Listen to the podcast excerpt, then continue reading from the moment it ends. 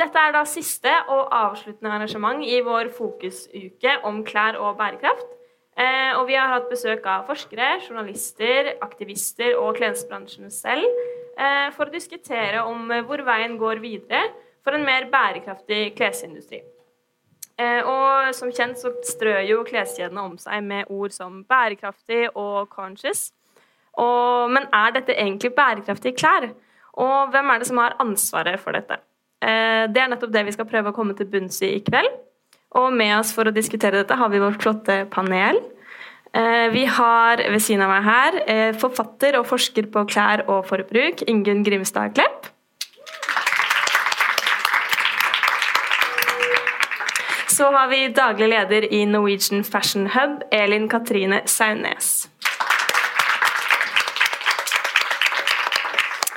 Så til å begynne med så tenkte vi å stille dere i publikum et par eh, spørsmål. Eh, så hvis vi kan få på skjermen her, eh, så kan alle logge inn på Kahoot, ta frem mobilene sine. Og I mellomtiden så tenkte jeg å stille et lite åpningsspørsmål til panelet vårt. Og jeg lurte veldig på, litt kort, hva er bærekraftige klær for dere? Vi kan begynne med Elin, f.eks. For, for meg? Mm. Ja, altså Bærekraftige klær er klær som jeg elsker. Det er det helt sånn korte svaret. Altså klær som jeg kan bruke til eh, mange anledninger, som ikke henger i skapet og kun blir tatt frem i, i spesielle, eh, ja, spesielle, anledninger. Eh, det er klær av kvalitet, fordi de vet jeg med meg selv at jeg er veldig flink til å ta vare på. Og så er det klær som ikke defineres av trend, men som defineres av hvilken stil Eller som vise frem hvem jeg er, og hvilken stil jeg har. Ja, som kommuniserer meg, for å si det banalt. Ingrid? Ja, jeg må jo si meg enig med Elin her. Eh, det aller viktigste er klær som får en til å trives, eh, og klær som man bruker mange ganger. Klær man ikke vasker spesielt ofte. Um, og så kan vi jo også snakke om uh, produksjonen, selvfølgelig. Uh, og um, der er det vanskelig. Det skal vi jo snakke mye om i dag, tror jeg. Uh, men jeg vil nok slå et slag for at man av og til i løpet av et liv opplever å ha klær som man vet hvor er produsert, og av hvem. det tror jeg er en, en, en god ting. og det handler jo om at bærekraftsbegrepet også inneholder eh, kultur og sosiale aspekter. Eh, og at eh, det også er en del av de utfordringene bransjen står overfor. At den er veldig lite gjennomsiktig og veldig global. Så et lite slag for de lokale klærne. Men ellers det man er glad i. Takk. Ja, det er ikke noe riktig eller galt. Det er bare for å måle stemningen litt på publikum. Men nå har jo vi gitt en fasit, da. det var kanskje. Nå må dere svare det de har sagt. Da må dere være enige med oss, altså. Mm, så første spørsmål. Eh, omtrent hvor ofte kjøper du et nytt klesplagg? Og her regner vi altså ikke det folk kjøper brukt på Fretex eller Tice f.eks., men det man kjøper helt nytt. Eh, hvor ofte kjøper du et nytt plagg? Å oh, ja. Én gang i uken eller oftere, to ganger i måneden, sjelden eller aldri. Vet du hva jeg vil si her sånn? Det vil jeg jo si at plagg, hva er et plagg? altså eh, altså, eh, Som klesforsker da, så vil jeg jo si at de fleste tenker kanskje mest på sånn bukser og, og genser og sånn. Er sokker og strømpebukser med i plagg? Det er definisjonsspørsmål. Ja, det er det. Og det betyr ganske mye, for det er det de fleste kjøper mest av. da. Mm. Det er rød, Theis. Gul, ja, bruker begge deler. Blå, ja, kjøper i bruktbutikk. Grønn, nei. Gul er altså begge deler. Det er den jeg sitter foran. mm. Bare åtte som ikke kjøper eh, brukte klær. Det er veldig lite. Så dere er nok en, en svært, skal vi si, særdeles utvalgt forsamling. Um, men det er klart, dere er unge. Uh, det betyr litt. Ja. Mm, kanskje det. Og så har vi jo best kvinner. Og det er jo færrest menn som kjøpte brukte klær, så um, det kan jo stemme. Mm. Siste spørsmål. Eh, hvilket av disse er det mest bærekraftige materialet? Så lurer vi på hva dere tror. Da er det rød, resirkulert polyester, gul, vanlig polyester, blå ull og grønn bomull. Så her lurer vi litt på, spesielt fra deg, Ingunn, om du har noen kommentarer til dette her etterpå? Altså, jeg har ikke klart å dy meg for å kommentere det andre heller, altså. ja, flest sier ull. Ja. Ja, folkens. Nå jeg, kanskje jeg skal gå opp igjen. Ja, nå kan dere få komme tilbake. jeg syns det er veldig uh, interessante svar.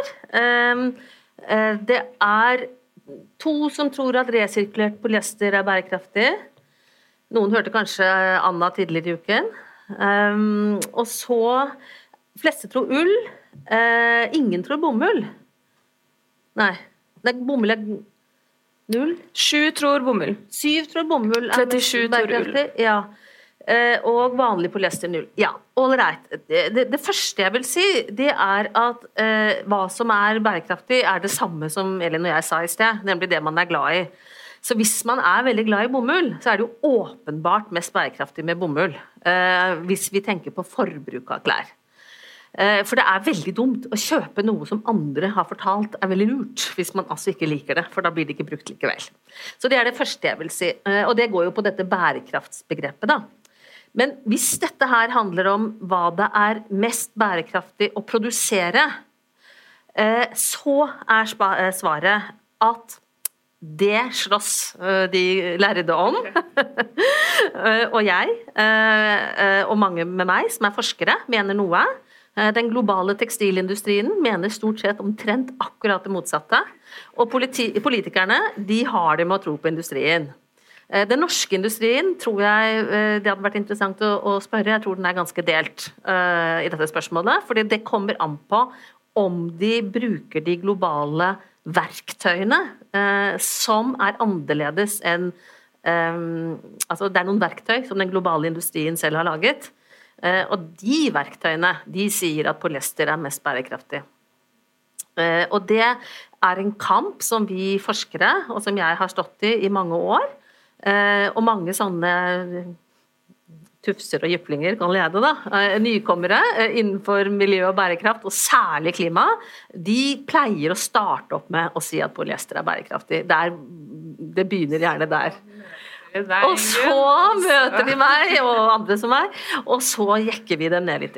Men altså, folk flest er, vil jeg tro er som dere, og tror at naturmaterialer stort sett er bedre. Uh, og det har jo både med at det helt generelt har vi et plastproblem, uh, og i tillegg til det så har vi et ekstra plastproblem i klærne, og det er fordi at vi ikke har kontroll på plasten i klærne. Vi drysser plast. Og fordi at plast er så billig, og det er de som gjør det mulig for industrien å fortsette å vokse. For vi har ikke bomull og ull nok til industrien til å vokse. Så, eh, så dette er riktig. Eh, naturmaterialene kommer best ut. Og så er det ganske stor forskjell her på bomull og, og ull. Og det kan jo glede et varmt ullhjerte som står her, da. Men jeg vil også si at bomullens rykte er betydelig svertet av den globale polyesterindustrien.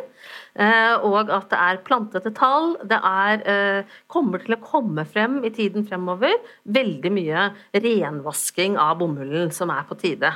Så nei, tekstilindustrien er ikke nest verst i verden. Og nei, Bomullen bruker ikke like mye vann som, eh, som, ja, som mange påstår.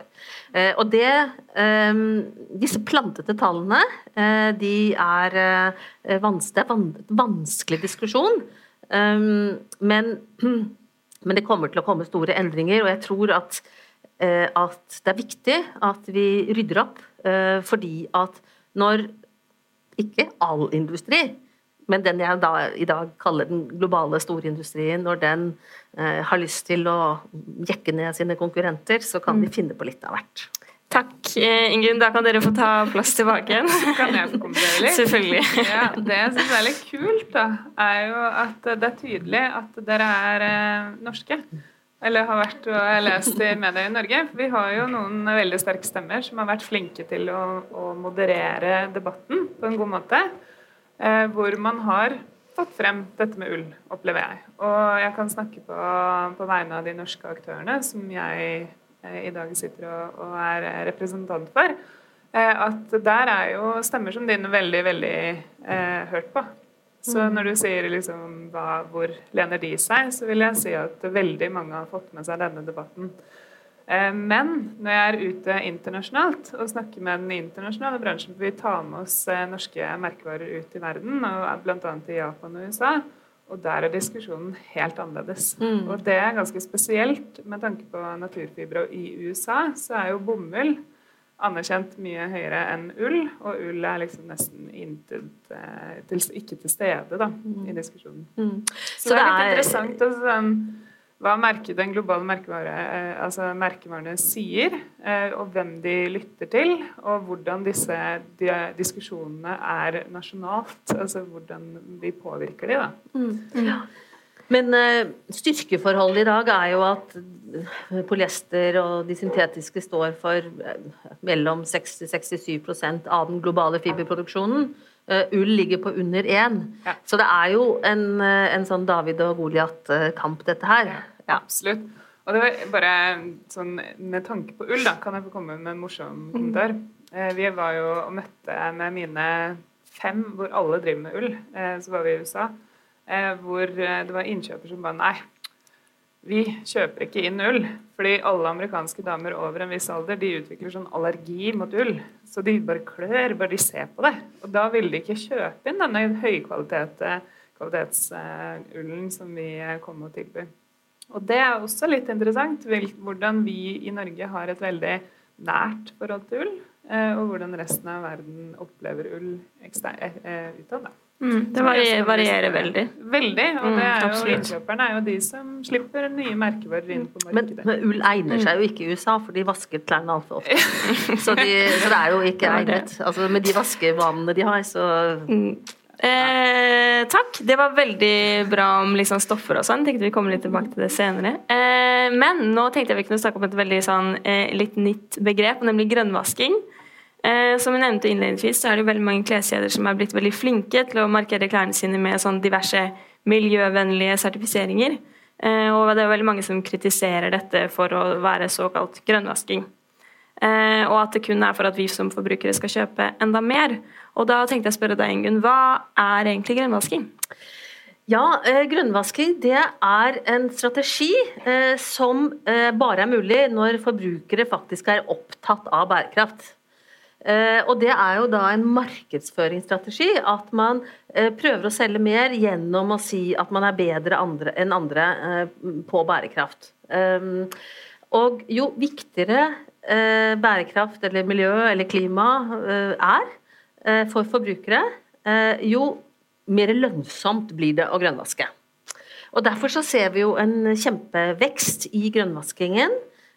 Den galopperer. Og, og, den tar veldig mange former. Vi var jo faktisk innom en her i sted. Resirkulert polyester. Den snakket vi ikke om. Det er jo den vanligste strategien for grønnvasking. Jeg skal ikke komme i alle detaljer hvorfor den ikke er grønn, men i hvert fall det er en vanlig strategi.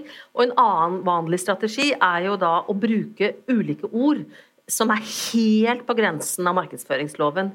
De fleste sier ikke bærekraftig lenger, for da kommer Forbrukertilsynet luskende med juristene sine. Men de finner på andre ord som det ikke er så ulovlig å si. Eh, de sier 'conscious'.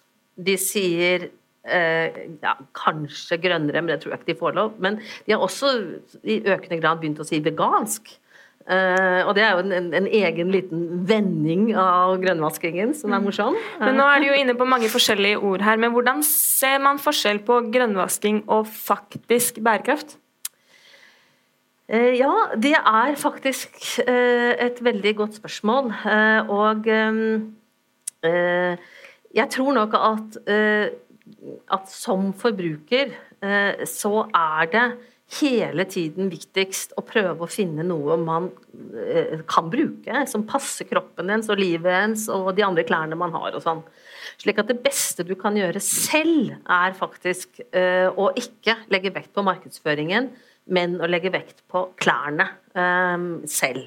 Mm. Eh, Men hvis vi først skal diskutere markedsføringen, så, eh, eh, så er det noen store dilemmaer eh, som går på at jo større du er, jo mer penger har du å kjøpe dyre merkeordninger og alt mulig rart. Sånn at det er et, et van, er vanskelig område. Men det gjelder jo her som for andre produkter at offisielle miljømerkeordninger er, er Altså der er det ettersyn. Eh, Svanen f.eks. Godsmerking eh, og sånn. Men det er et dilemma med det, og det er at da eh, får man ikke tak i de små. Og de små kan være like bra. Absolutt. Eh, Elin, du er jo leder for en sånn samleorganisasjon for eh, norske merkevarer, som er små til mellomstore aktører. Eh, vil du si at dere driver med grønnvasking på en eller annen måte? Jeg ser, jeg Ingen ser i nikker. så ser jeg eh, Ja. Altså ikke nødvendigvis med vilje. Eh, det opplever jeg jo at, eh, at de absolutt ikke ønsker å gjøre. Men jeg tror nok at eh, altså det har beveget seg fra I min tid som leder for Norwegian Fashion så har det beveget seg fra å ikke ta del i den diskusjonen rundt bærekraft, til å faktisk måtte skynde seg å ta det inn over seg, og hvordan de ser på en måte at den forbrukeren som norske merkevarer gjerne ønsker å nå, er en, en, eh, en kvalitetsbevisst og pengesterk forbruker. Eh, som også i større, altså økende og økende grad har blitt mer opptatt av bærekraft. Og så har man kanskje, ikke nødvendigvis med vilje, men har kanskje lagt seg til noen vaner og si at ok, dette og dette og dette gjør jeg som er bærekraftig, og så har det blitt en samlebetegnelse innad i, i selskapet. Men for å, for å snakke på, på vegne av de, de norske, så, så opplever jeg Nå hadde vi i 2018 en undersøkelse ute blant dem som viste at 93,3% Jeg husker dette tallet veldig godt. Eh, Hadde, var i gang med en bærekraftsstrategi. eh, Og resterende hadde på en måte hatt det på agendaen med styret og skulle begynne å jobbe med det.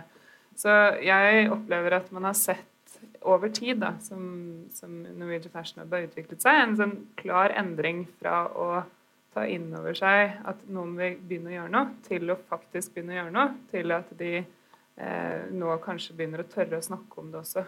For det har jo også vært en greie at ikke, ikke nødvendigvis de som kanskje gjør mest bærekraftige tiltak, snakker så mye om det. For de er litt redd for den merkelappen. Ja, og det er ganske viktig, for det er det jeg skulle si, som er litt relatert til akkurat det du snakket om i stad. Som vi har, altså NFTA, som er næringsklyngen og vi er tett partner eh, med, de har en, en forbrukerundersøkelse ute hvert år som heter 'Bærekraftige holdninger og handlinger', som er et, eh, så hvor man spør et tverrsnitt av befolkningen. Og det jeg finner veldig interessant, er jo at forbrukeren stoler jo ikke på merkevarer når de kommer til eh, dette med De sier at de ikke stoler på. Ja, de, sto de sier at de, det er jo alltid sånn med sånn. Men det som er interessant, er jo at forbrukeren begynner også å bli ekstremt mye mer oppløst.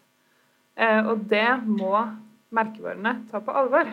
Og det er der du begynner du å se liksom, konturene av en, en dialog, da, hvor med forbrukeren begynner å kunne stille noen spørsmål. Så, sånn som en i styret mitt sa på tirsdag, at før så kunne du si grønn tre ganger, og så var du grønn. på en måte. Mens nå så må du i større og større grad faktisk vise hva du gjør som er bærekraftig. Og det begynner bransjen å ta inn over seg. Eh, så det skjer en endring, er vel kanskje Du nikket på hodet, Ingunn, jeg spurte om de Ja, grønnvasket. Ja, Var det noe- altså, jeg syns jo at de grønne, Selvfølgelig syns jeg de grønnvasker. Og jeg at eh, Og jeg er helt eh, en- enig igjen i at eh, mye av det er bare vaner også, som, som de har lagt seg til, og som alle andre gjør det. Og så, ikke sant? Um, eh, Og det gjelder jo ikke bare gjennom sånne ord som å si at man har en conscious collection, eller hva det måtte være. Men det er jo også i masse detaljer i markedsføringen. Eh, For den, altså eksempel bruken av ordet bambus, f.eks. bruken av resirkulert polyester. eh, F.eks. i utvalget av hva man sier om eh, sine egne produkter. Så, mm, så jeg syns at eh, en av de aller viktigste tingene som bransjen kunne begynne med, var å, eh, å rydde opp, eh, slik at den ga saklig og god og enkel informasjon til forbrukerne om produktene sine. Uh, og det er faktisk veldig viktig for bærekraft, fordi at det er veldig viktig å gjøre at det blir enklere eh, som å vite hva man kjøper, eh, Mm. simpelthen. Og det er noe med sakligheten. Eh, og jeg tror at du har igjen helt rett i at, at det er ofte mangel på kunnskap mer enn mangel på, eh, på vilje som ligger bak denne veldig eh, uklare markedsføringen, da. For å, for å være litt grei, da. Det er en veldig god overgang til mitt neste spørsmål. for Vi har mange studenter her i publikum i dag, og ofte så legger man jo vekt på at eh, de produktene man kjøper skal være av god kvalitet, og det er gjerne produkter som kanskje er litt dyrere, og sånn at de kan vare resten av livet. Men. Men som student så har man jo kanskje ikke de ressursene. Eh, Så jeg lurte på, eh, hvis man som f.eks. som student ønsker å handle så bærekraftig som mulig, hva skal man passe seg for? Altså, du, det var en feil i det du sa, eh, og det er dette med pris. For det er faktisk slik at vi som har vært på mange fabrikker, vi vet at billige og dyre varer suser forbi og ser identiske ut helt til de får merke på seg. Altså, Og- det der er litt litt overdrevet, da. Ja, litt overdrevet. Ja, okay. Ja. Men iallfall. Tidligere så hadde vi laboratoriet på SIFO hvor vi testet ut eh, den tekniske kvaliteten på klær. Eh, Og eh, veldig ofte fant vi ikke noen sammenheng mellom den tekniske kvaliteten og eh, prisen på produktene. Eh, Nå er det klart at eh, kvalitet er mer enn teknisk kvalitet. Eh, Og at det er mange sider eh, ved klærne. Eh, og jeg er helt enig i at det å, bruke mer penger på et plagg kan være lurt. Men eh, du har ingen garanti for at de, at de dyre klærne varer lenger. Eh, faktisk ikke. Sånn at for, altså, hva kvalitet er, og hvordan det kan gjenkjennes, det er faktisk et komplekst spørsmål. For det er jo selvfølgelig forskjell på en, en parkdress for barn og, og ullsokker og en ballkjole og, og alle de andre klærne vi, vi trenger. Um, og derfor så har eh, jeg og, Tone, som jeg jobber mye sammen med, vi skrevet eh, en bok om hva kvalitet er. Lettkledd, eh, velkledd med lite miljøbelastning. Fordi vi tror at for å bli en bedre forbruker, så trenger man litt mer kunnskap. Egentlig så er det jo sånn også da at bransjen trenger litt mer kunnskap for å lage gode klær. Så det er jo egentlig to sider av samme sak. Altså at kunnskapsheving både blant folk flest og blant de som selger, og de som produserer, og de som kjøper osv. osv. klær, eh, bidrar til mer bærekraftige klær, fordi da eh, treffer vi riktigere. Eh, Men jeg er enig i at jo dyrere klærne er, jo mer bærekraftige er de. Og de Er du enig i dette, Ja, ja, jeg må gjøre ferdig resonnementet. Og det er ikke fordi klærne nødvendigvis er dyrere, altså bedre, men fordi du har ikke råd til å kjøpe så mange. Det er det ene. Punkt to, du kommer til å ta godt vare på dem. Det er det andre. Og punkt tre, du kommer ikke til å kaste det i søpla eh, hvis du blir lei av det, fordi at det kostet så mye. Så da gir du det til en eh, venninne, eller eh, selger det på et eller annet. eller et eller annet. Slik at Jo dyrere klær er, jo større er sjansen for at, det, at de faktisk får et, et, et godt liv, da. Et Ja. langt liv. Så derfor er jo dyrere, jo bedre. Er du enig, Elin? I resonnementet tingen? Uh, Eh, ja, altså Først og fremst, det, dette med altså, Det kommer jo litt inn på en sånn diskusjon om hva branding og mote og, og, og det å kjøpe seg altså Når du kjøper spesielt fashion, så kjøper du deg egentlig en drøm. Altså Du kjøper deg en tilhørighet til en gruppe som kler seg på en viss måte. altså Du smykker deg med, med en, en label på, på veldig mange måter. Og da snakker vi spesielt eh, high, altså high-end luxury-mote har jo en, en veldig konnotasjon til hvilken samfunnslag du hører til, eller eventuelt ønsker å høre til, når du kan vise deg frem i, i den type logo, eller den type brand. da. Eh, og det er jo én ting. Og så er det jo de her som, som på en måte beveger seg litt i det der contemporary-segmentet, som vi kaller det i bransjen, som er dette mellom mellomsegmentet, som ikke er fast fashion og de eh, volumdrevne forretningsmodellene, men de som ligger i gjerne lokale aktører med små produksjoner. Eh, Og de vil naturlig ha veldig altså dyrere klær bare basert på at de er mindre. Og kan bestille inn mindre og har mindre fabrikker. Altså har mindre eh, Ja. Så Og de er mer bærekraftige, fordi de, er mindre. mer bærekraftige. Så, så i form av at de ikke ikke har eh, like stor volumproduksjon, men har mindre kvantum, så blir det dyrere, og da blir det eh, Mer bærekraftig. Mm. Så da er vi egentlig enige om at det er mange grunner til at dyrere klær er mer bærekraftig, Ja, da. og det er, det er mange skjønner, grunner til å investere i klær. Mm, Da har vi kommet litt til bunns i det. Men vi må snakke litt om eh, ansvar. eh, For vi setter veldig stor pris på at dere har kommet hit eh, i dag, for det er det nemlig ikke alle som ville. Vi skulle gjerne hatt med oss både politikere og andre store aktører fra bransjen, men samtlige vi har spurt, har takket nei. Og dette gjelder både Næringsdepartementet og Klima- og miljødepartementet. Og det gjelder også både Zalando, Hennes Maurits og Warner-gruppen. Eh, og Elin, eh, Norwegian Fashion Hub det er jo en samleorganisasjon for små og mellomstore bedrifter eh, i Norge, som jeg snakket om i stad. Men hva tenker du er problematisk med at de virkelig store såkalte fast fashion-kjedene ikke er her i dag? Eh, Det var et veldig stort spørsmål. Eh, Først og fremst så, så tenker jeg jo Altså den gjengen som eh, NFH er en del av, da, der opplever jeg jo at man, som jeg nevnte i stad, at man gjør en del grep internt. Eh, det jeg tror som er sånn, diskusjonen med de store, er jo eh, Altså De er toneangivende også for de andre. Sant? Så det er jo på en måte, det er jo det som er den store utfordringen. Det er jo sånn som Ingunn var inne på i stad, så sier hun at ok, resirkulert polyester det er den industrien som har satt standarden, og det er de som på en måte bestemmer at det er det mest bærekraftige. Og da er det veldig vanskelig som, som liten å, å være uenig i det storindustrien eh, påpeker at de mener, og så blir man fryktelig forvirra. For der står Ingunn og sier nei, nei, nei. Og så sier resten av industrien, altså den store globale industrien, jo, jo, jo. Det er jo klart at man, man blir litt eh, forvirra, men så mener ikke jeg at Warner-gruppen kan stå, sitte her og, og forklare Eller være Stå for det hele den globale industrien sier, heller. Sant? Jeg mener heller ikke at, eh, at Jeg tror at det er et problem at de ikke vil stå stille, stå til rette for hvordan de har Eller argumentasjonene rundt egen forretningsmodell. At de ikke vil stille opp. Ja, men så er det hvilket ansvar har f.eks. Warner-gruppen overfor hele resten av industrien når de jobber for seg og prøver å eh, overleve for sitt. ikke sant? Men det kunne jo allikevel vært interessant å stille dem eh, spørsmålet eh, eh, Hvor stor prosentandel av de klærne dere selger er plast? Det vet vi, for det finnes en rapport på, Ja. så det kan vi. Det tallet har vi. og det er enda større på conscious-delen, bare så dere vet det. Så det tallet har vi. Og det kunne jo vært interessant å si når dere ikke har tenkt å redusere verken hvor mye dere produserer, eller andelen plast av det dere produserer, har dere ikke litt dårlig samvittighet for dette? Altså, jeg mener, hallo? Altså, man blir jo bare selvfølgelig. Det er jo Men eh, eh, ja. Jeg har jo helt enig. Men Eller skal vi bare bli enige om at plast ikke er noe problem? Nei, nei, nei, det er ikke noe problem.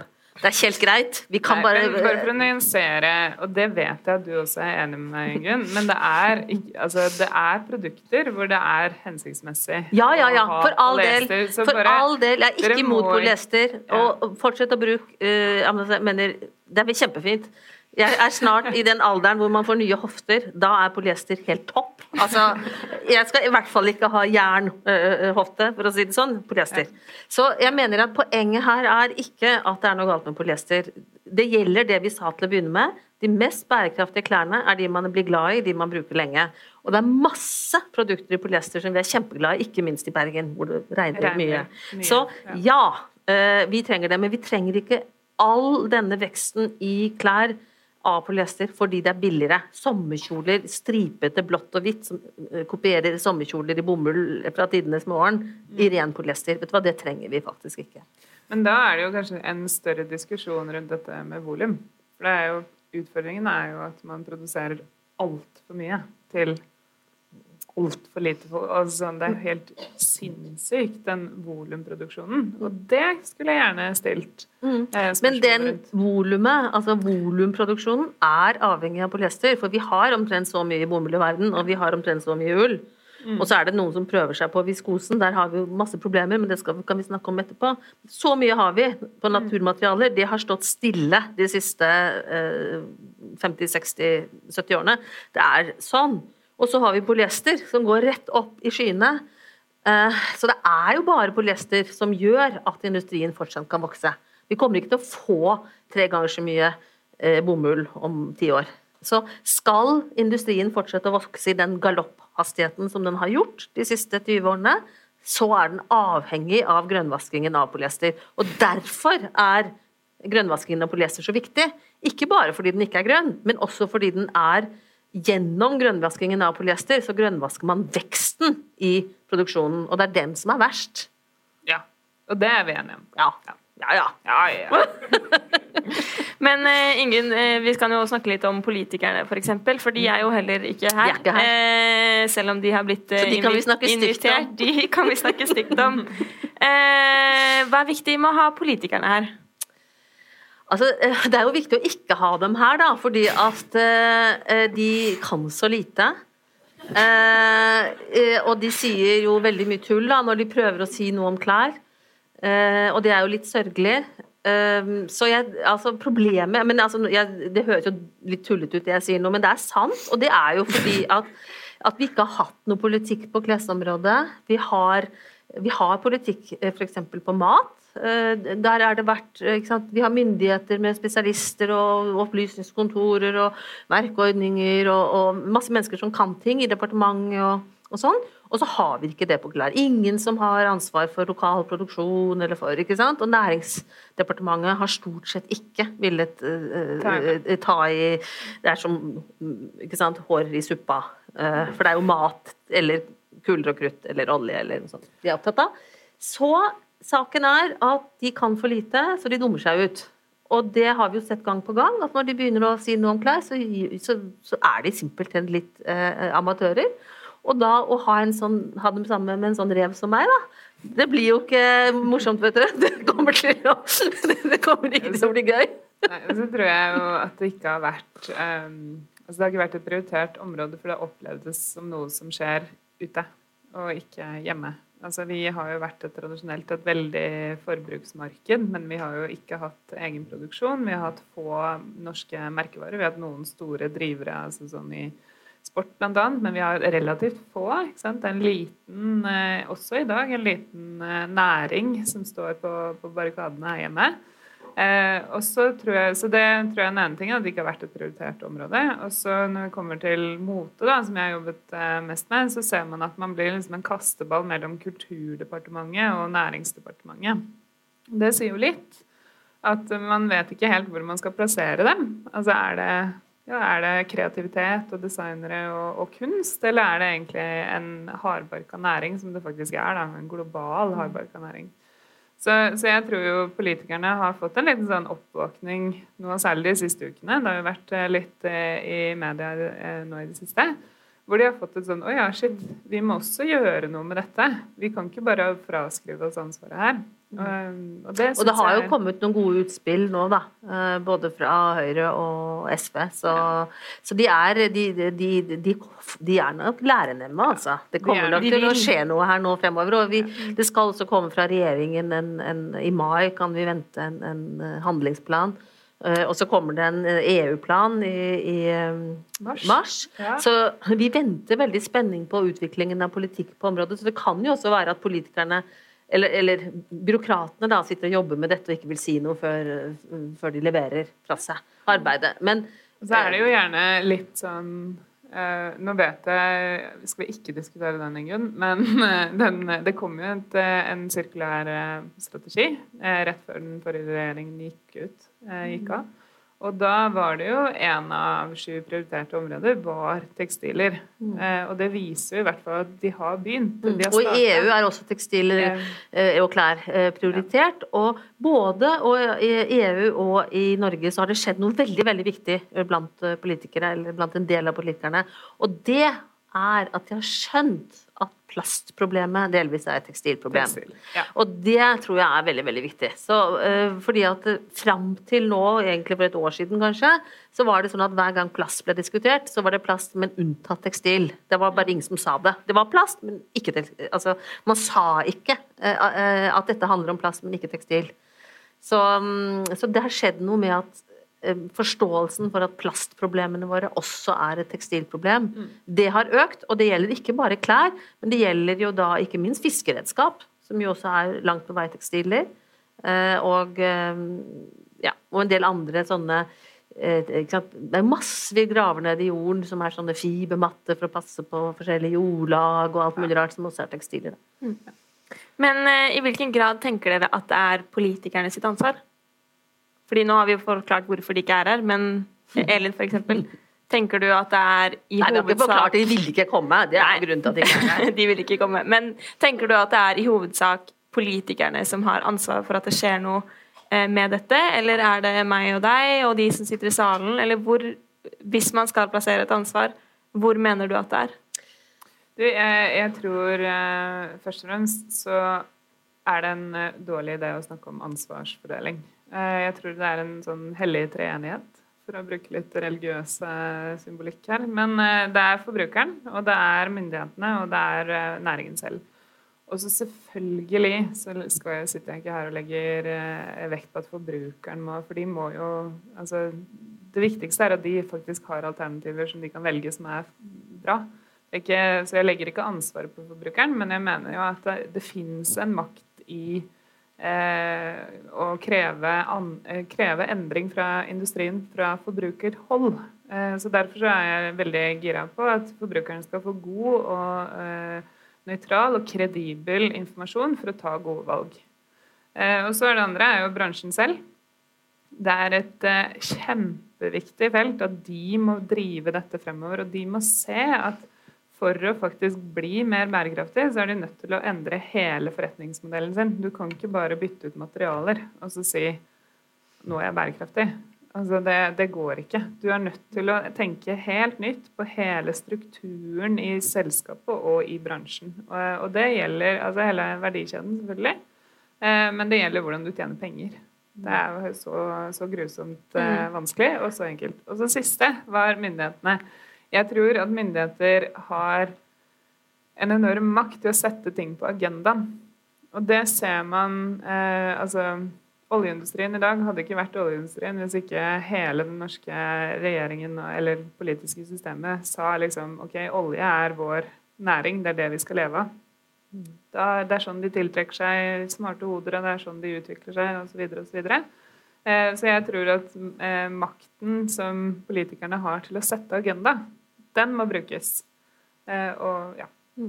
Ja, Du var litt inne på det med forbrukere, f.eks., for eksempel, og, og at det må på en måte bli enklere for forbrukere å ta miljøvennlige valg.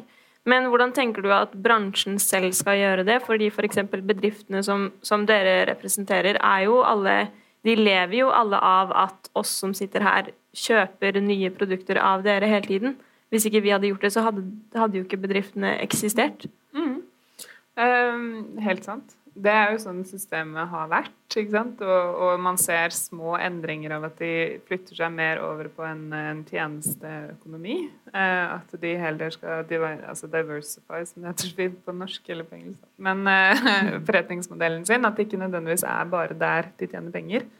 Eh, Men det her er vanskelige greier. Fordi for, for eksempel skal en, et selskap begynne å leie ut, eh, leie ut klærne sine i stedet for å selge de, så er vi også nødt til å bli vant til å leie. Og jeg vet at du har jo forskningsartikler som sier at Ja, det er ikke nødvendigvis nei, er, er mer bærekraftig. de, de få artiklene som finnes på det, øh, viser det. Men Ja.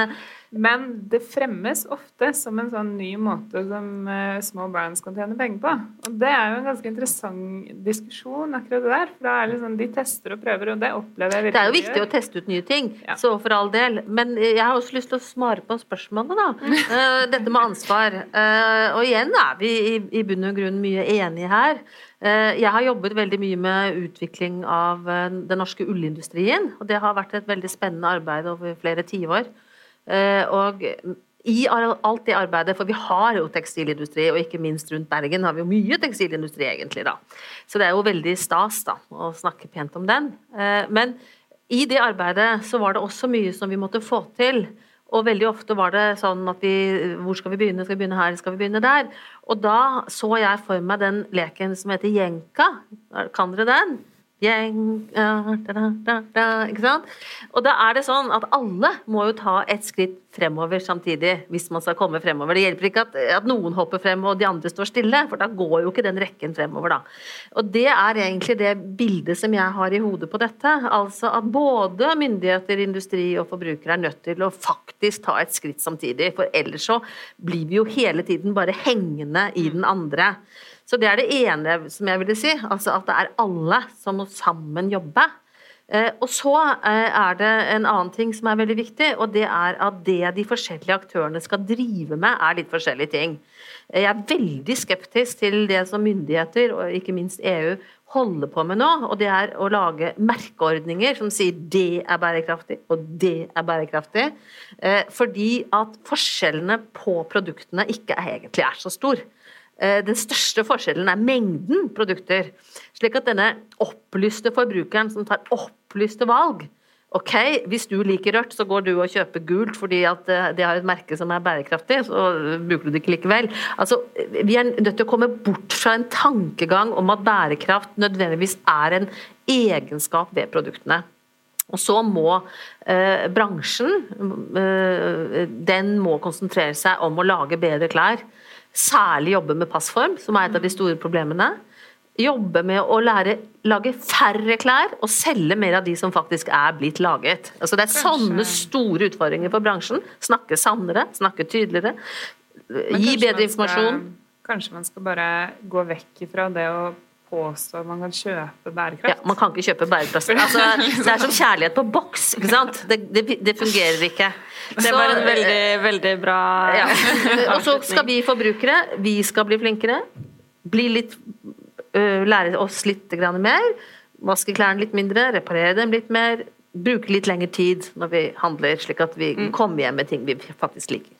Ja, Veldig bra. Eh, nå har vi vært innom disse tre, tre enhetene som dere har snakket om. Eh, men så har jeg et siste spørsmål før vi skal ta en liten pause. Og da lurer jeg på, eh, Føler dere selv på et ansvar eh, i denne store kampen vi er inne i nå? Elin først, for eksempel. Nei, ja. Mm. Eh, ja. Jeg føler på et enormt ansvar. Og det, det Sånn personlig så, så syns jeg at det er um, i, altså imponerende hvor fort det har kommet opp på agendaen i større grad. For jeg mm. har, eh, og jeg vet at du også har gjort det, men man har stått og ropt om det her en stund, og ikke mm. følt at man blir hørt. Eh, og så plutselig så ser du at ok, nå begynner ting å skje, men jeg ser også at eh, vi har et enormt ansvar i å sikre at man går dette steget videre, som Ingunn eh, sa, i, i, på rekke. Så det var veldig bra beskrevet. Var det? jeg tror ikke jeg dansa jenka. Det Kanskje vi skulle begynne liksom... å danse det? Skal vi ta i pausen? Ja. Vi kan, det er jo litt plass her foran. Ja. Så, og vi får til å komme av gårde, liksom. Ja. Men, eh, men, som Norwegian Fashion og, og så det vårt største og viktigste ansvar er å sikre at uh, selskapene får tilgang, tilgang, på relevant og kredibel informasjon og kompetanse for at de kan gjøre gode valg.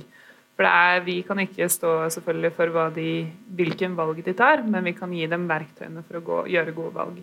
Mm. Uh, og så, Det var denne tingen, så ja, jeg føler et ansvar. Uh, og så tror jeg, det, og det må jeg med hånden på hjertet si, at det føler eh, samtlige av mine aktører også føler et ansvar. Det er ikke sånn, opplever jeg, at bransjen sitter her og bare Nei, vi har ikke lyst til å være bærekraftige. Vi har ikke lyst til å jobbe for en bedre verden. Altså, de aller fleste som jobber i bransjen, er også opptatt av dette her. De er eh, opptatt av å ta gode valg, og de er nødt til å få hjelp til å, å få ordet ut der og gjøre gode valg. Mm. Ja, og jeg føler selvfølgelig på et ansvar. Altså, jeg er professor i klær og bærekraft. Jeg sover nesten ikke. Jeg skrev 20 kronikker i fjor. Altså, jeg har jeg er, jeg er Jeg bruker all den tiden jeg kan eh, på å eh, hjelpe politikere, myndigheter, næringen, eh, studenter, eh, folk flest eh, på alle måter. Og jeg gjør det fordi at jeg har tro på at skal vi komme videre, så trenger, kunst, trenger vi kunnskap. Ja, Og det er det ikke så mange som har på dette feltet. Så da må vi få som har det, vi må dele så mye vi kan. Mm. Tusen takk. Eh, da vil jeg også bare minne om at eh, vi skal ha en liten spørsmålsrunde til slutt, så det er bare å tenke på spørsmålene. Eh, og så tenker jeg at vi tar en 15 minutter pause.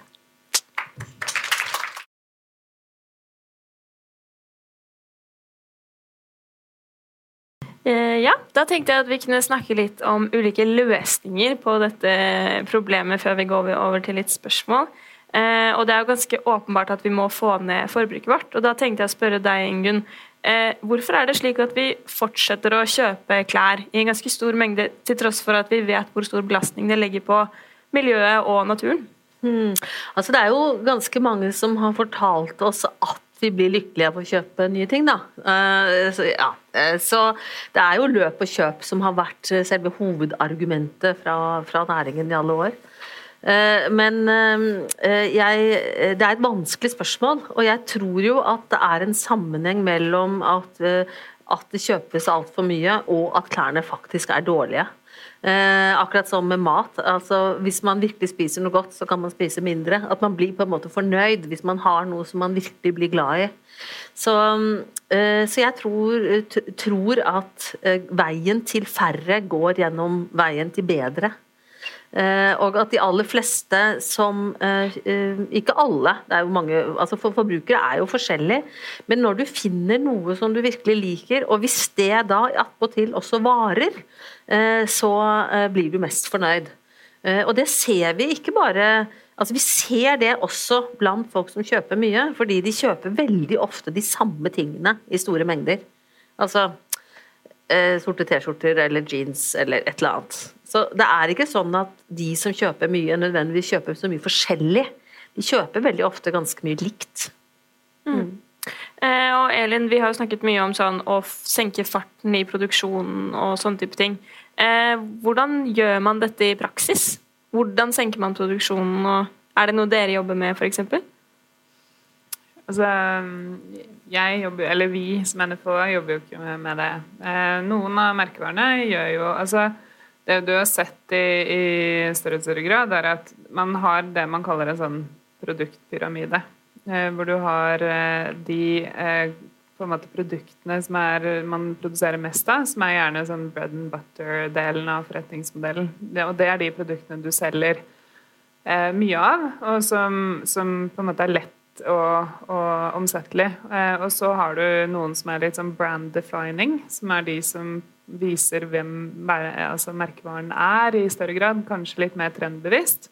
Og så har du de på toppen som er sånn virkelig altså den lilla kuen, hvis det er noen som kjenner til det begrepet. Men det er de som på en måte virkelig definerer og syns i, i kommunikasjon, gjerne, da.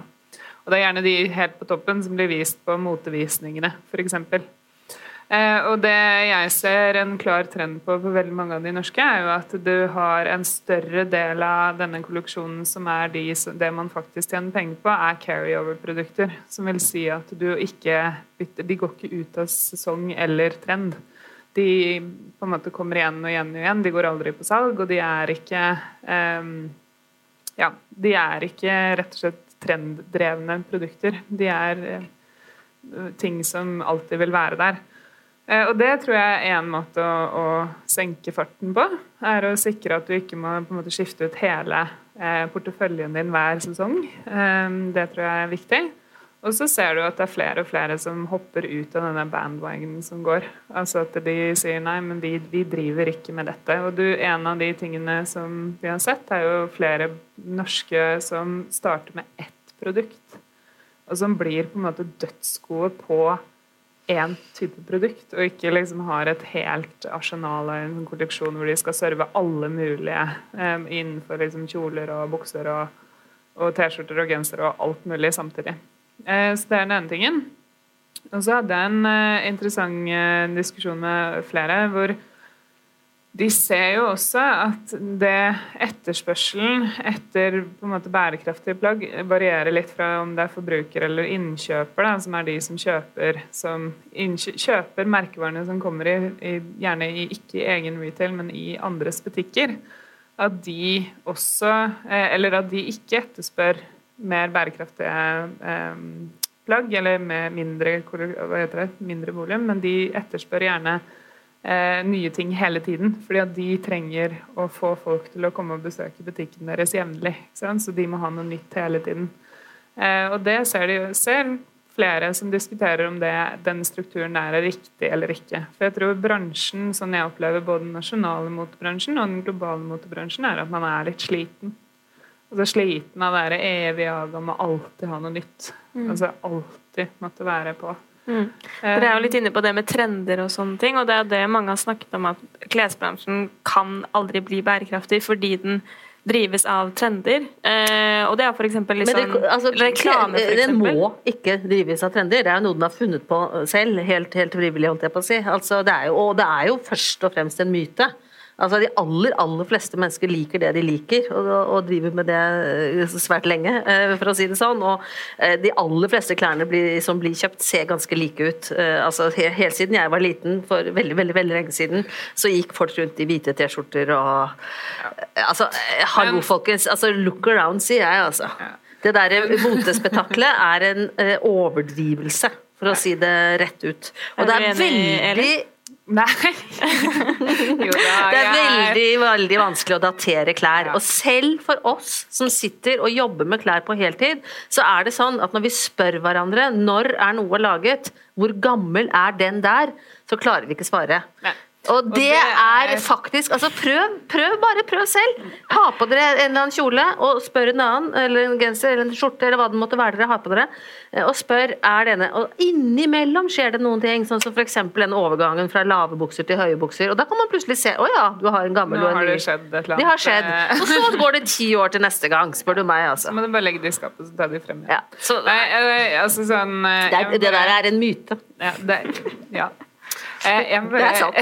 Jeg må legge til ja, Fordi eh, Eller først og fremst så tror jeg altså Dette er jo et kulturelt fenomen. altså Helt tilbake fra Nå fortalte jeg tidligere i dag at jeg driver og leser en bok om 1600-1700-tallet hvor du ser veldig tydelig igjen det her med at mote og klær det var noe, noe som eh, eliten gikk med, og som du på en måte du du viste hvem du var, hvilken eh, kulturell status du hadde, og hvilken på en måte gjeng du tilhørte. Men de brukte de samme klærne om, igjen, og om, og om ja. igjen, og de forandret dem bitte lite grann. Og det kan vi jo alle gjøre i, ja. i, i, våre egne garderober. Altså, det er jo bare å ta klærne så Det ene året kan man ha belte i livet, og neste år er det belte ja. på hoften. Altså, dette handler jo veldig mye mer om styling av klærne. Ja, for det er, det, det er faktisk det poenget jeg skulle komme frem til. Og det er det følgende følgende at jeg opplever at det ligger så latent i oss som mennesker å ville uttrykke oss. Altså Klær er kommunikasjon. Det er den første formen for kommunikasjon du har som menneske når du møter et annet menneske. Så når man snakker om på en måte mote, så snakker man egentlig om kultur eh, og ønsket om å uttrykke seg selv. Eh, og det, mitt eh, perspektiv på det er at jeg er helt enig med Ingunn at ting går jo i ring og i, i, på en måte, Men det å bli enda mer stilsikker, altså klar over sine egne preferanser når det kommer til klær, det tror jeg er en sånn mm. um, Istedenfor å hele tiden jage trender, men heller bli mer bevisst på hva ja, jeg liker, og hva veldig, jeg kler. Veldig, veldig mange mennesker har det jo med å like de samme tingene ja. om og om igjen. Altså, de har funnet ut at, at altså, og, og, og, skjorter og bluser og T-skjorter og alt sammen, de er jo faktisk ganske like, da. Ja, men det som er interessant, da, er jo opp til en viss altså I hvert fall den forbrukerundersøkelsen som jeg snakket om tidligere, så ser du at over en viss alder så faller man på en måte litt på plass så virker det som at man da finner ut at ok, dette kler jeg, dette trives jeg med, mm. og det her kan jeg beholde. Og, og du klarte ikke å datere kjolen min i sted? da? Nei, den klarte jeg ikke. Fordi den faller, altså kommer inn og ut på trendbilder. Og, det skal jeg fortelle deg, at den var, når den var ny, helt moderne. Ja. Og, når, og når var det, folkens? Fortsatt ganske moderne. Men det jeg skulle si, da Poenget mitt med å si dette, er at jeg tror det er med å tillate at folk ønsker å finne sin egen stil, og, og bli inspirert av trender også er en del av vår kultur. Mm, det er jeg Og enig i. det å liksom si sånn Nei, det er et spetakkel. Nei, nei, nei, nei. Klær er jo kjempegøy, og det er jo morsomt å kle seg ut, og farger blir man så glad og Det er jo så mye gøy med klær, så, og det er vi enig i. Og, og, og klær er en viktig del av kulturen vår, så for all del, altså, mor dere. Men jeg mener, og, og, og skjønnhet gir jo glede. Men kreativitet rundt egen garderobe Men det er jo det, det samme med mat. ikke sant? At, det- eh, at det er ganske lurt å spise god mat. da. Men det er jo ikke bare industrien som som kan lage god mat. Vi klarer det selv òg. Det er jo bare å styre på litt. Ok, men eh, Ingunn, eh, nå sier du at eh, trender det er bare noe industrien har funnet på for at vi skal kjøpe mer, og at eh, eh, ting går igjen veldig ofte. Men at klær er gøy. Så hvordan skal vi få ned forbruket? Hvordan får man ned et forbruk hos noen som egentlig vil forbruke? Ja, altså, jeg har jo tro på, på politikk, jeg, da. Jeg tror at vi trenger regulering, jeg tror det. Eh, Og jeg tror at, vi, eh, at utfordringen akkurat nå er at, eh, at det skjønner også politikere. EU har skjønt det en god stund allerede, og norske myndigheter kommer etter. Andre land ligger foran, eh, i hvert fall Norge, da. Eh, Og eh, Problemet med det er at vi skjønner at det skal regulering til, men vi er ikke helt enige om hvordan. Og Faren med regulering det er at når vi lager nye lover, så er det noen som har ressurser til å følge dem og finne på smarte måter å omgå dem og osv. Så sånn at regulering veldig ofte også faktisk favoriserer de store og de sterke. Eh, Og Det er en, et dilemma i hele klima- og miljødebatten. eh, Hvordan dette ikke skal bli Europa på kost, på, eller altså de rike på bekostning av de fattige i verden. Hvordan det ikke skal bli de rike i et land på bekostning av det fattige i samme landet. Eh, Og hvordan det ikke skal bli de store, f.eks. i tekstilbransjen, på bekostning av de små. Så jeg tror at mye av politikken bør eh, handle om lokale ressurser og lokal produksjon. Eh, Og så tror jeg at man også skal styrke eh, forbrukerrettighetene. Ikke så mye forbrukerinformasjonen i betydning av å velge det og ikke det, men f.eks. levetidsmerkeklær, altså at man får vite hvor lenge dette skal holde. eh, Hvor lang tid man kan forvente at det skal brukes før det nupper, f.eks. Ja. eh, så jeg vil styrke det, og så vil jeg styrke de lovene vi allerede har. Vi har mange lover. Veldig mye av det som er felles for dem, er at de ikke virker. Eh, Vi har f.eks. reklamasjonsrett. To år på alle klær. Veldig eh, få som bruker den retten. Og de butikkene, eh, hvis noen prøver seg, eh, blir det mye bråk. Og, ja. Så den loven bør gås gjennom, slik at det blir tydeligere både for butikkene og for forbrukerne eh, hva den innebærer. Hva er vanlig bruk? Hvordan ser slitasje av vanlig bruk ut i forhold til feil som er forbrukernes feil. Men to år skal alle klær vare. Eh, Og den burde selvfølgelig revideres, slik at eh, bunader og slikt ikke skal vare i to år, og sokker og slikt kanskje. ja, så det er jo forskjell på klær, da. Det er jo forskjell på en, eh, en vinterkåpe og, og Ikke sant? Så den bør differensieres, og den bør oppjusteres. Og så har vi miljøinformasjonsloven som ikke virker, fordi folk ikke bruker den, og fordi Ja, altså Så vi har eh, Vi burde Hva er eh, miljøinformasjonsloven? det er sånn at du kan gå i butikk eh, og si at du eh, vil vite eh, om miljøbelastninger og helsebelastninger av produkter. Ja. Og der, der, der peker du på en veldig viktig ting. For jeg tror at man kan lage så mange lover som man bare vil, men hvis ikke vi klarer å iverksette de, eller overholde de, eller ha noe system for å fange opp hvem som bryter de, så er det bare Altså, vi, har, Altså, vi kan sette opp uh, på fartsskilt på veiene, men hvis det aldri var en fartskontroll, så ville det jo ikke bety noe. Ikke sant? Så det er jo noe med at hvis man først lager lover, så må man jo passe på at de virker. Og så har vi fibermerkingsforskriften, altså at det skal stå fiber, hvilke fiber klærne inneholder. Den virker ikke. Eh, og den virker ikke delvis fordi bransjen dessverre, dessverre er for så slurvete og sluskete, men delvis fordi at eh, klærne består ikke bare av fiber, og det er det det andre som belaster miljøet mest. Så det burde vært innholdsdeklarasjoner og ikke bare fibermerking. Alle farlige kjemikalier i klærne burde vært merket. Og nå er vi jo litt inne på eh, det med politikk, og at det trengs insentiver ovenfra for å løse dette her, fordi bedriftene ikke tar nok ansvar av seg selv. Eh, fordi det ofte handler om konkurranse. Men ofte så ser man at f.eks. de politiske partiene vegrer seg litt for å innføre tiltak i frykt for å miste velgere. Eh, men eh, nå er det dessverre ingen politikere her i panelet i dag. Men hva tenker du, Elin, er liksom de tiltakene og kravene og reglene som burde bli innført for å kunne eh, hjelpe bedrifter og hjelpe forbrukere? Nå har jo Ingunn vært litt inne på det allerede, men hva er dine tanker? Nei, altså Først og fremst så vil jeg bare si at min opplevelse er at bransjen kom litt før politikerne mm. på dette feltet.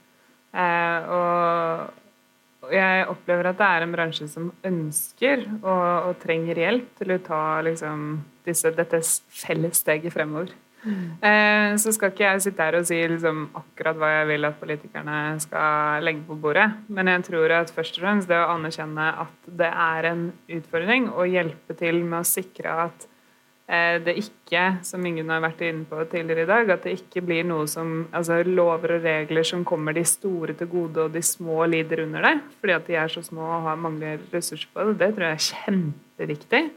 Og så tror jeg det er utrolig viktig at vi ikke bidrar til å forvirre forbrukeren ytterligere, og forvirrer med det også bransjen ytterligere. For jeg tror at um, Eller som jeg har sagt tidligere, at, at det å, å en forvirra bransje tar ikke det steget. Det er en bransje som er enig med seg selv og med myndighetene og med forbrukerne om at disse tingene her er de riktige tingene å gjøre. Mm. Det er de som klarer å flytte seg. da. Mm. Og så, så er det jo viktig at eh, altså, den bransjen som, eh, som, Elin representerer, det er eh, småtasser her, her, i Norge som kjenner norske forbrukeres vaner og smak og, kropper og alt mulig rart.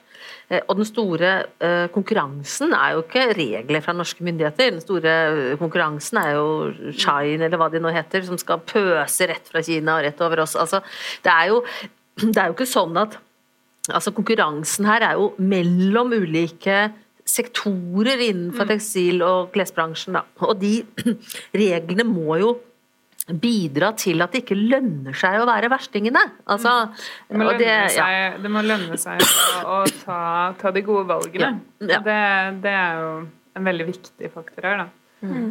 Og så hadde jeg et veldig godt eh, sånn poeng på akkurat dette, som bare ho, forsvant idet du sa det du skulle si. Å, beklager. Nei. Det kommer kanskje tilbake. Det var det jeg skulle si. Eh, jeg tror jo at det også er utrolig viktig å få på plass liksom som du sier, innholdsdeklarasjon, som det heter. Altså sånn Få på plass eh, informasjon som gjør at forbrukeren også vet hva de har å deale med. Mm. Opprinnelsesmerking um, kunne vi hatt, da. Eksempel. Men da må du også ha systemer som gjør at man faktisk kan med troverdighet si altså det her og her og her og her er For et plagg er jo ikke lagd altså Dette plagget her er ikke lagd ett sted. Det er jo veldig mange ting som gjør at denne har kommet sammen på én fabrikk og blitt sydd, og så sendt til Norge og blitt solgt.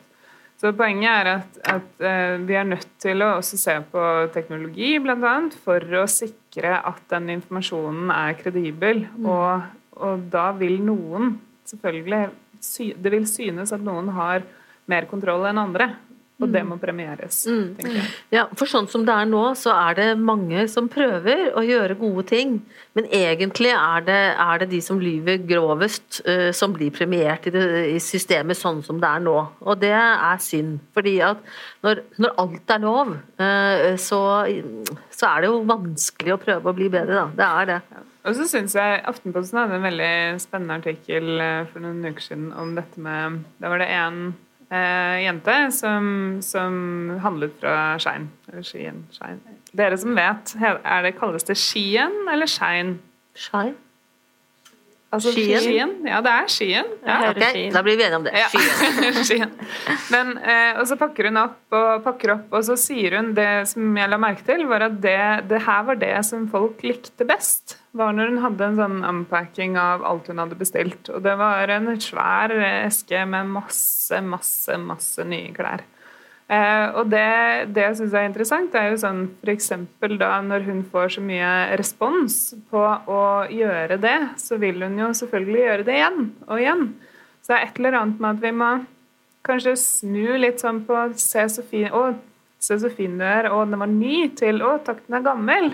Eller kanskje 'Å, denne her har jeg kjøpt brukt, og så har jeg arvet den. Ja, eller, altså, eller for ikke å snakke om å, aktivere de klærne som har blitt så eh, passive. Altså Hvis man tenker hva ligger nederst og innerst, det som ikke har blitt brukt på lang, lang tid, hva skal til for å bruke det mer? Altså, Ja. Og det er jo mye mer spennende diskusjon, da. Synes, ja, ikke sant? men det syns jo vi. Men det er på en måte et eller annet med den derre em, den, Å elske hvert plagg handler jo veldig ofte om å bruke det igjen og igjen, og ta de frem og bruke de på nye kreative måter. Og finne liksom Og det er det jeg syns man som kultur skal premiere, fremfor eh, nødvendigvis å liksom heie på at alt skal være nytt hele tiden. At du må ha på deg en ny kjole hver fredagskveld. Det er jo interessant, det er ny, Bli ny, har dere sett den Ja.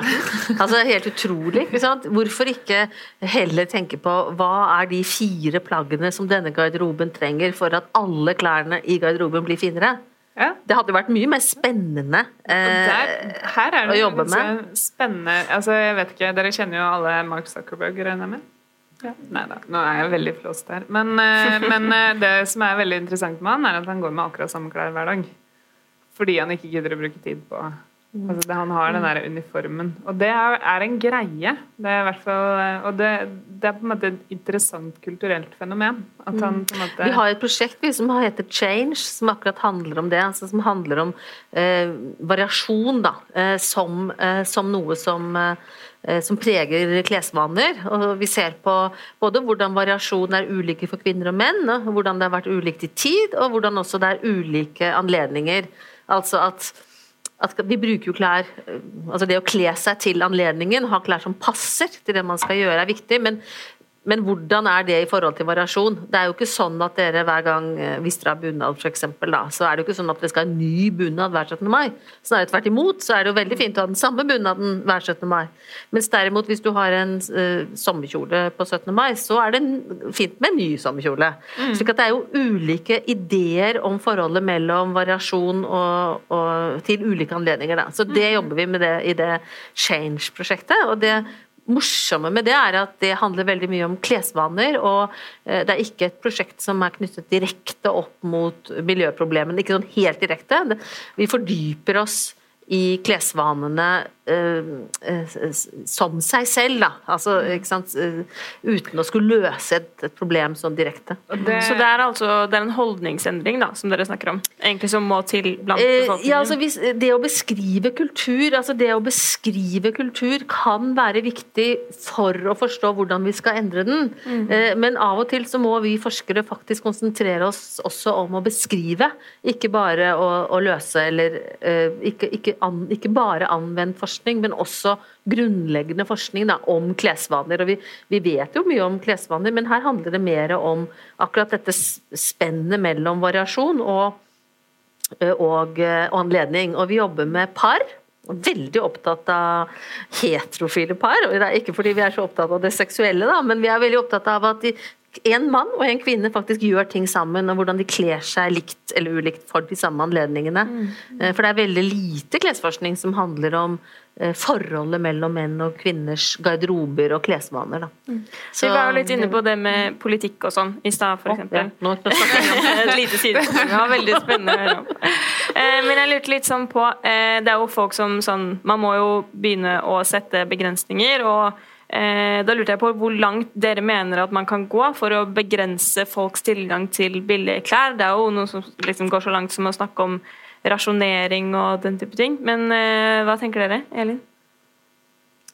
Tror du vi må begrense folk? Eh, Jeg husker for ikke så veldig lenge siden så diskuterte jeg jo en, en annen da, sånn der, Å, hva om vi hadde rasjoneringskort på Ikea? Så fikk du bare kjøpe liksom to ting på Ikea annethvert år.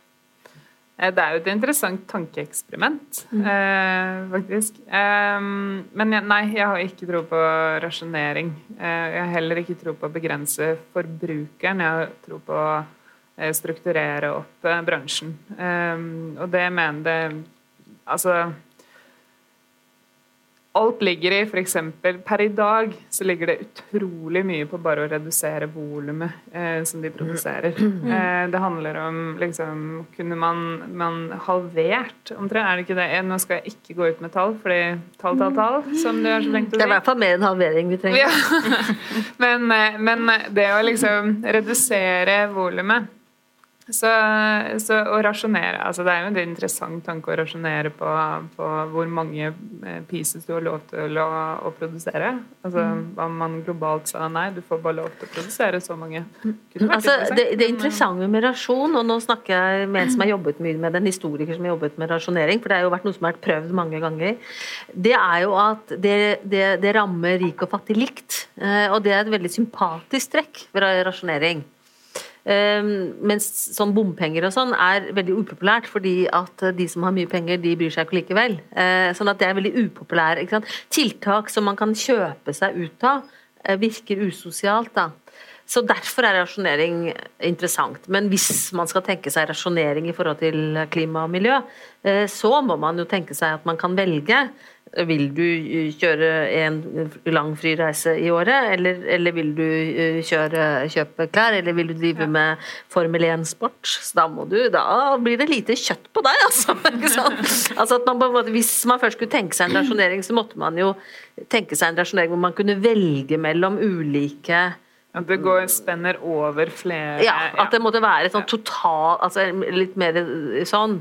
Men saken er at der vi er i dag, kunnskapsmessig, så har vi jo ikke engang god dokumentasjon av de enkelte produktenes miljøbelastning. Så, så vi ville jo ikke vært i stand til å lage det regnestykket engang. Akkurat sånn som det ser ut i dag. ja, Men altså som tankeeksperiment så er det i hvert fall slik at eh, når det blir så mye bråk om, om bompenger, så er det jo fordi det er så usosialt. Fordi det er så lett å At, at, at 20 kroner for én er lite og, nei, lite og mye for en annen, for ikke å snakke om 100 kroner. ikke sant? Så, tror jeg ikke det finnes én politiker i verden som tør å innføre rasjonering. Det tror ikke men eh, saken er at de gangene vi har hatt det, har det gått veldig bra. Ja, ja. Eh, og, og det er interessant, og, og grunnen til at det har gått ganske bra, er nok antageligvis at det er liksom alle i samme båt-tankegang.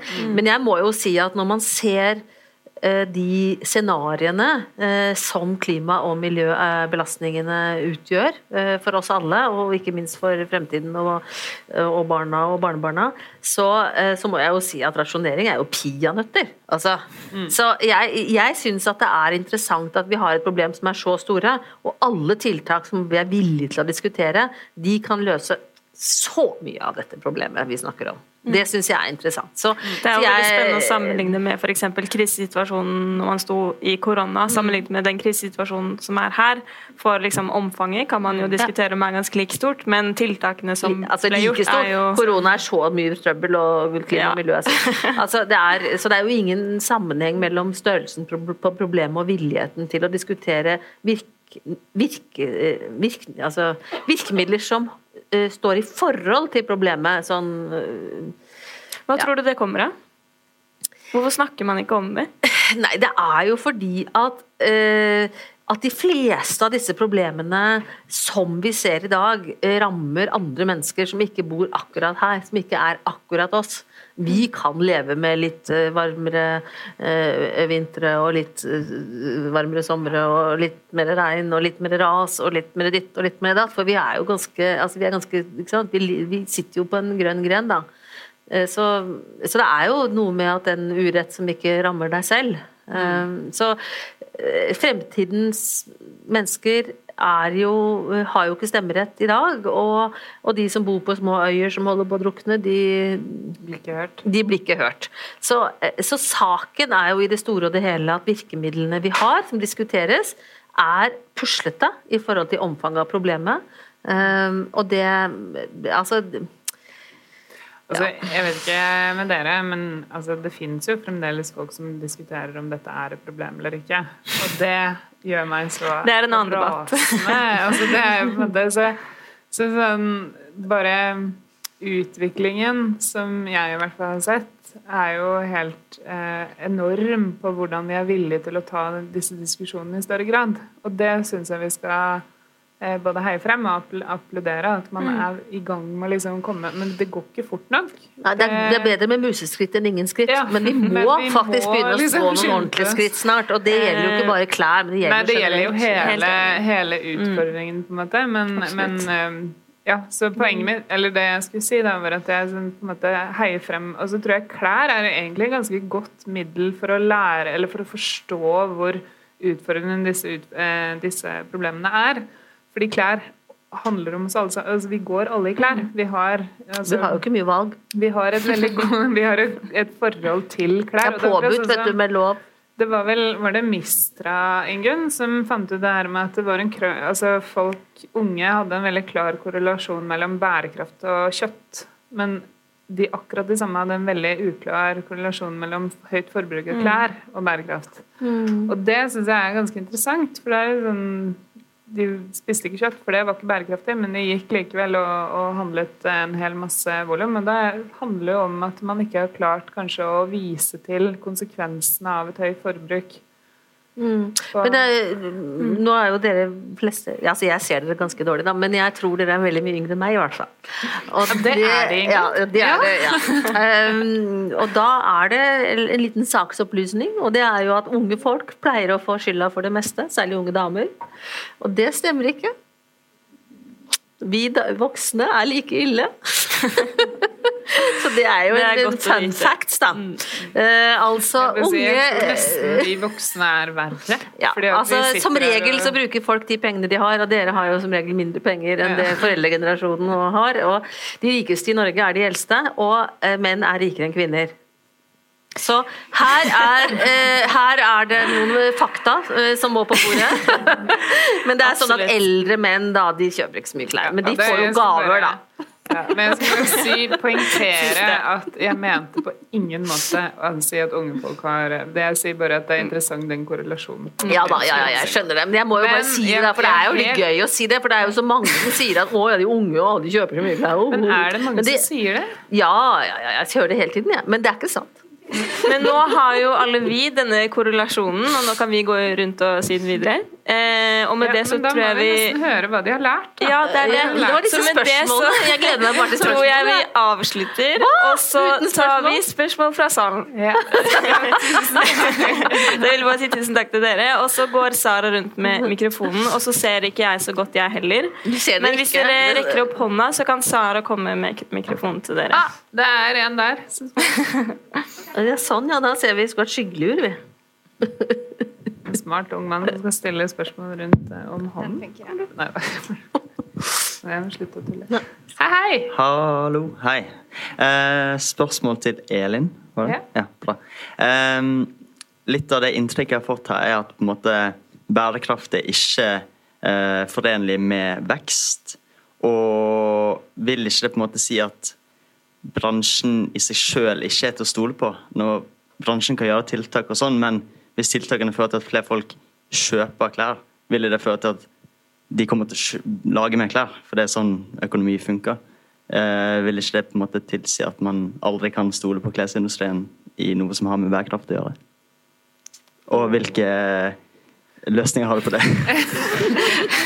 Knakende godt spørsmål, du. Det, faktisk, det var veldig interessant, fordi eh, Business of Fashion, som er et, eh, en sånn bransje eh, globalt bransjemagasin, eller de driver med masse greier. De gir ut sammen med McKinsey gir de ut en rapport hvert år som er State of the Fashion Industry.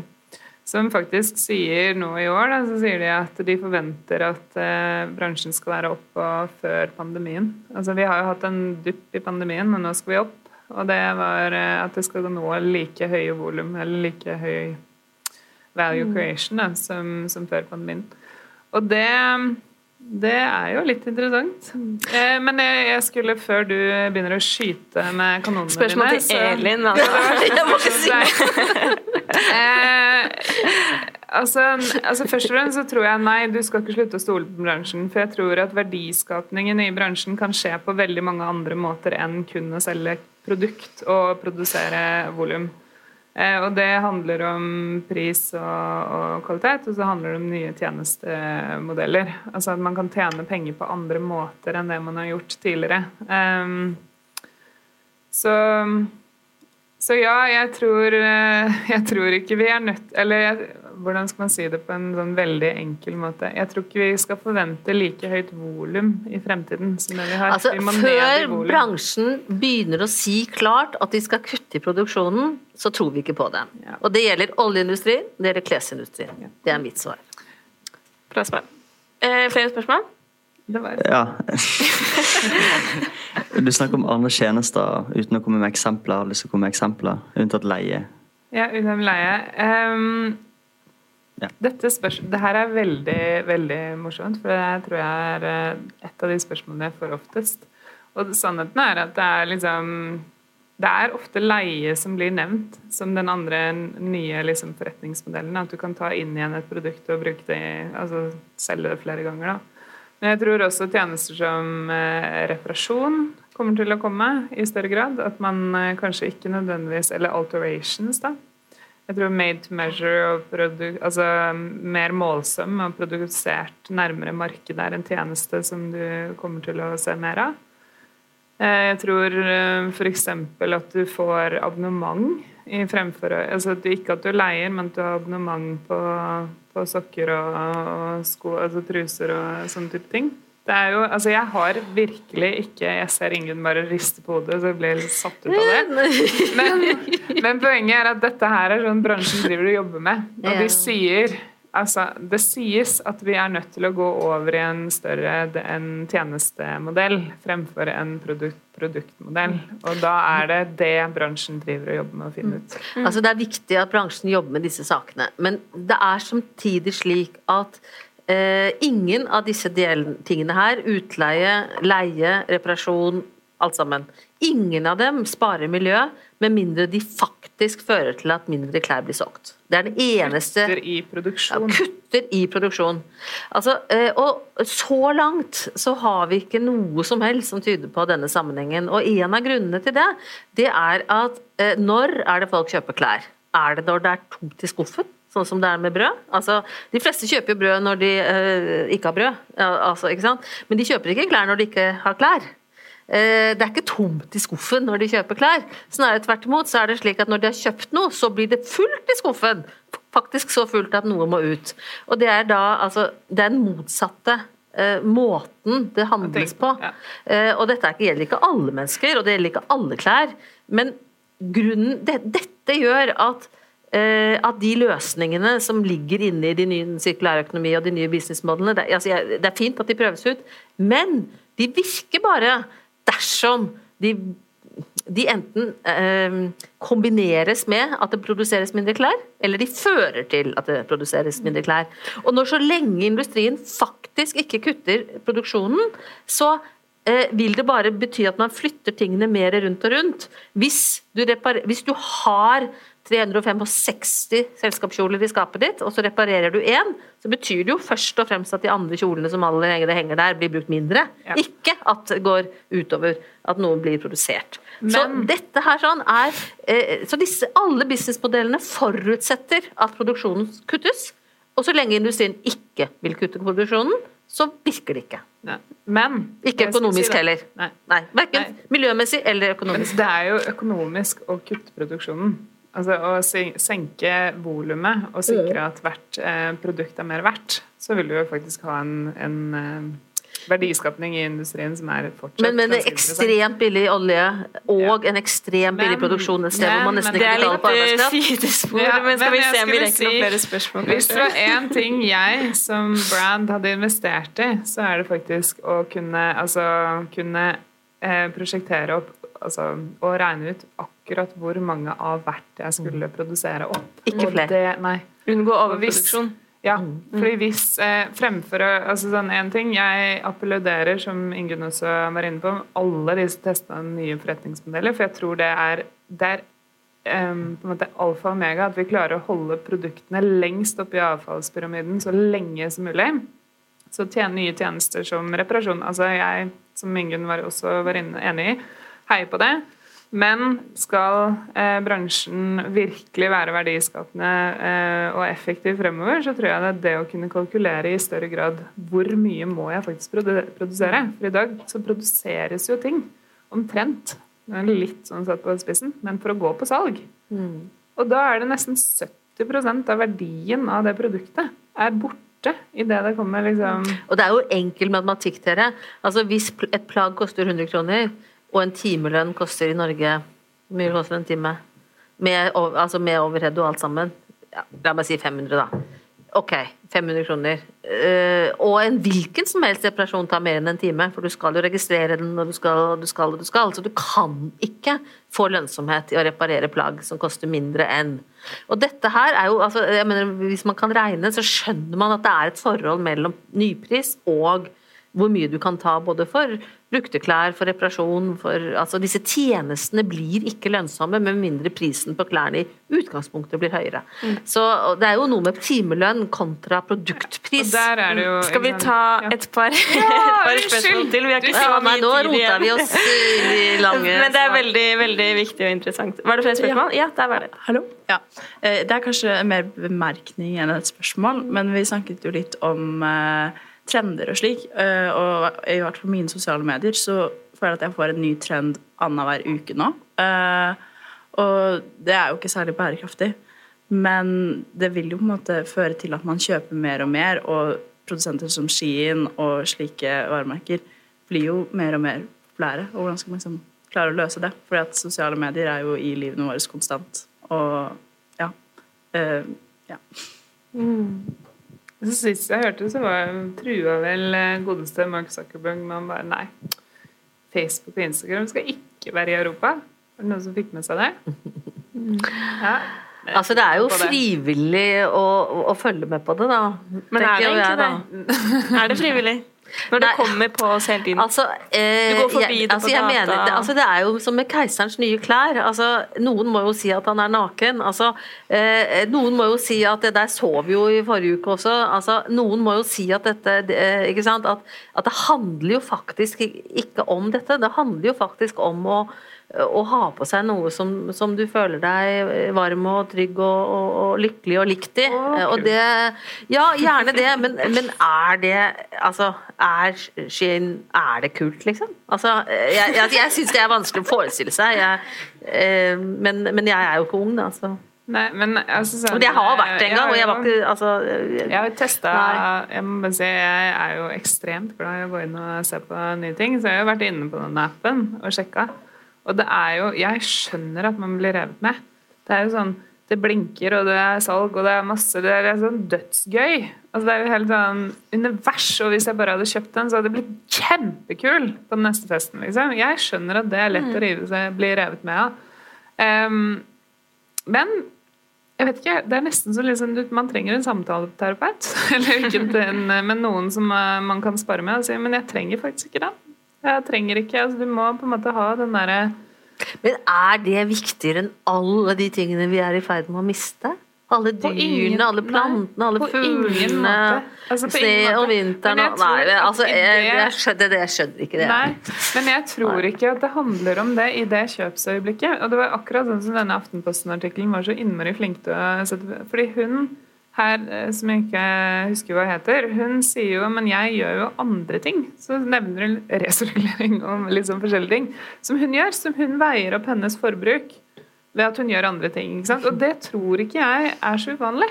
Jeg tror at man legitimerer den lange flyturen til eh, Sør-Amerika annethvert år fordi man skal på backpackertur med at Men jeg spiser jo ikke kjøtt. Eller jeg eh, dusjer jo ikke lenge. Eller jeg Og det er jo det. Altså, man er nødt til å på en måte ha et bevisst forhold til hele verdi, altså hele holdningen Eller ikke holdningen sin, men hele forbruket sitt.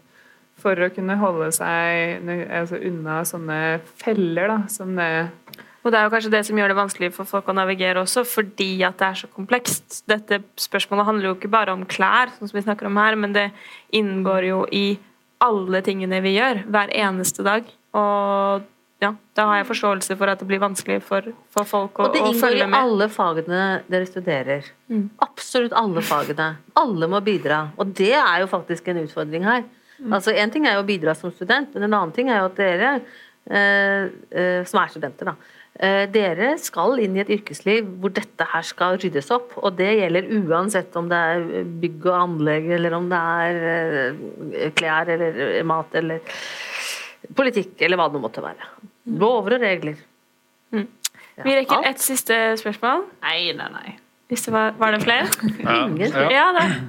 Jeg har nok et par spørsmål. men ta- Det ene er veldig interessant å, å lytte til dere. Selv så representerer jeg ikke snittet her. Jeg drar nok opp alderssnittet her litt, så det, det får så være. Eh, Og jeg er ikke sånn spesielt sånn moteorientert heller, selv.